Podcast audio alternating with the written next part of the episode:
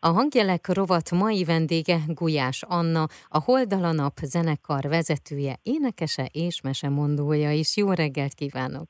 Jó reggelt kívánok én is! Ti egy olyan utat választottatok, amivel az a cél, hogy a gyerekeknek a magyar népzenét, a népmese kultúrát népszerűsítsétek, bár én olvastam olyat is, ahol meg azt nyilatkozták rólatok, hogy amit ti csináltok, azt tanítani kellene világzene címán. Kezdjük azzal, hogy mesélje, mikor alakult, és mi jellemző rátok. Nagyon megtisztelő, igen, ez az idézet. Ez a zenekar, ez most ez a harmadik lemeze, az első két lemezünk az felnőtt felnőtteknek, de hát gyerekeknek is hallgatható, de alapvetően elsősorban felnőtteknek szóló saját szerzeményeink világzenei hangszereléssel feldolgozva, és a célunk az első két lemezzel az az volt, hogy olyan akár felfele táncolható a régi rítusok világát megidéző muzsikát alkossunk, amiben a népzenei, világzenei tapasztalataink a zenekar összetételéből adódóan ez nagyon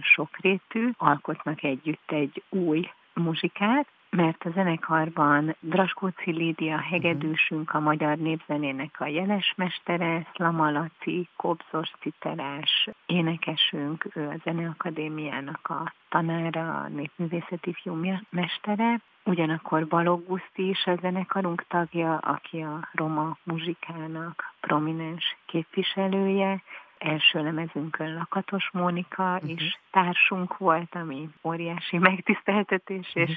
csodálatos közös munka volt. Emellett pedig van egy perui gitárosunk, Alex Torres, nagyszerű gitárművész, aki meg hát egészen elképesztő zseni, uh-huh. és ő a flamenco-ba is mélyen beleásta magát a latin ritmusok mellett, úgyhogy Tar Gergely ütőhangszeresünkkel, aki szintén latin ritmusok magyarokat is, de keletieket is, magyar népzeneieket is jól ismer, meg Vajdovics Árpád nagybőgősünkkel, aki meg egy sokrétű muzsikus a kis tehén zenekarban is játszik többek között. Szóval mind így együtt a saját sok különböző forrásból származó, sokszor klasszikus zenéből is származó, jazzből is származó inspirációinkat elhatároztuk, hogy új muzsika alkotásába uh-huh. fordítjuk, és nem idézeteket rakunk bele népzenei meg egyéb forrásokból, hanem inkább a nyelvi, zenei anyanyelvi, meg zenei különböző formuláknak a átélése uh-huh. alkot közösen egy zenei világot,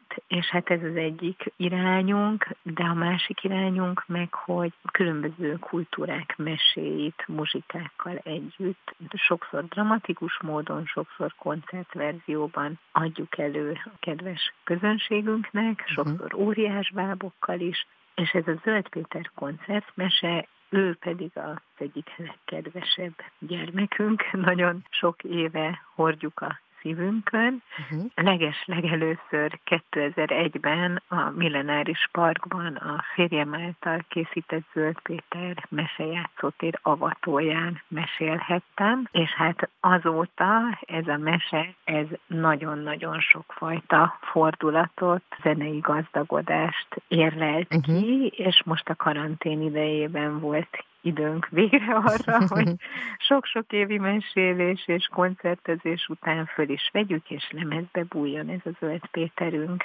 A hangjelek rovat mai vendége Gulyás Anna, a Holdalanap zenekar vezetője, akivel a gyereknapi koncertről beszélgetünk, már is folytatjuk.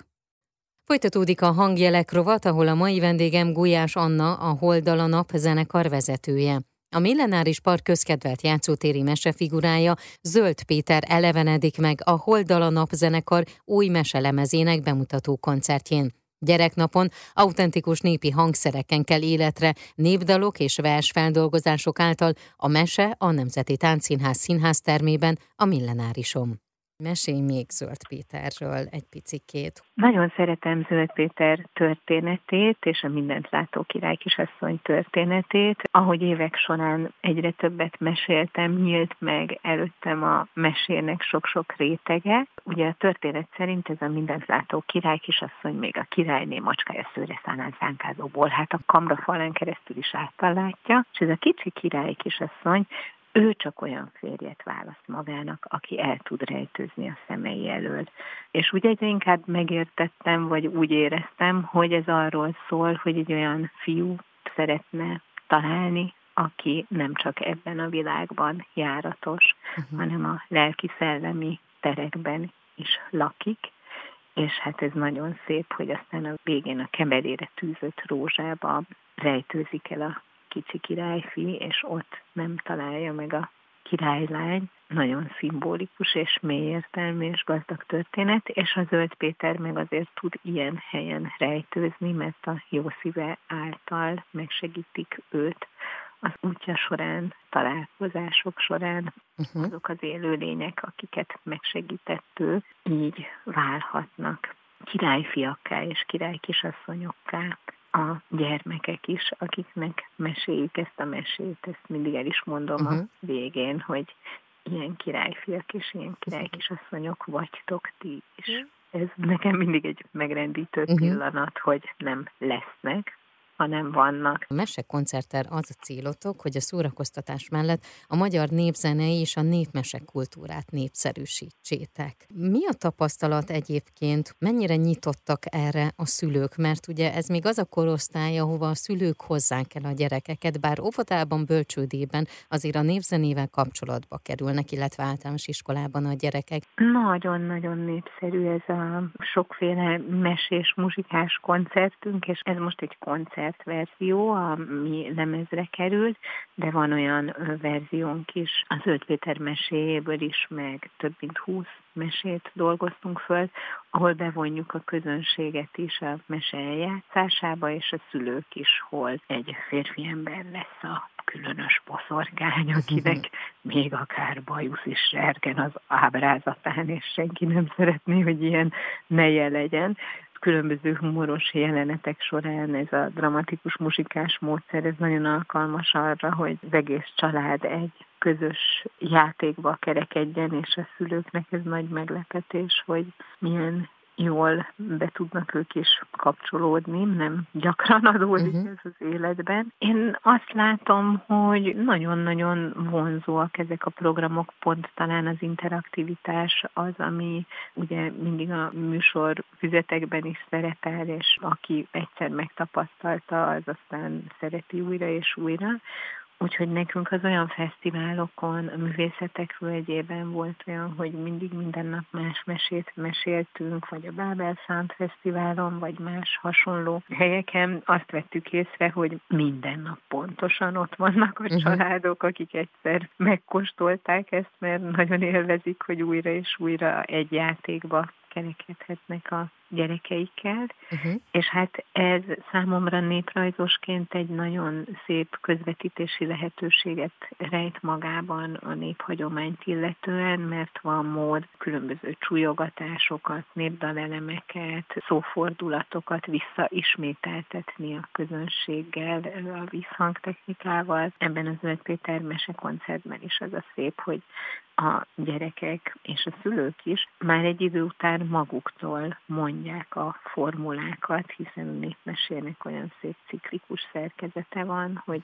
megtörténnek háromszor a dolgok, és Igen. akkor már mindenki tudja magától, hogy mit kell mondani. Én erősen mondom, mondja a közönség. Ahogy említettük, ugye tehát május 29-én vasárnap 10 óra 30 perckor kezdődik ez a koncert, és ingyenes. Igen, és hát nagyon hálásak vagyunk az Emberi Erőforrások Minisztériumának, mert egy pályázat keretében alkothattuk meg ezt a lemezt, és lehet ingyenes a lemezbemutató.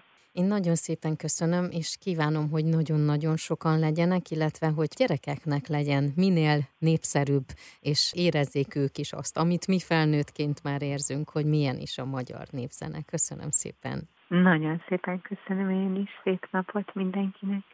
Nagyon szépen köszönöm a beszélgetést. Zöld Péter, a tengermélye, az ég teteje, a rózsabimbó közepe után meselemezbe bújik. A Holdalanap zenekar május 29-én gyereknapon mutatja be új meselemezét, a koncert után Moldvai Gyermektáncházat tart a zenekar, amelyre mindenkit sok szeretettel várnak. A mai vendégem Gulyás Anna volt a Holdalanap zenekar vezetője.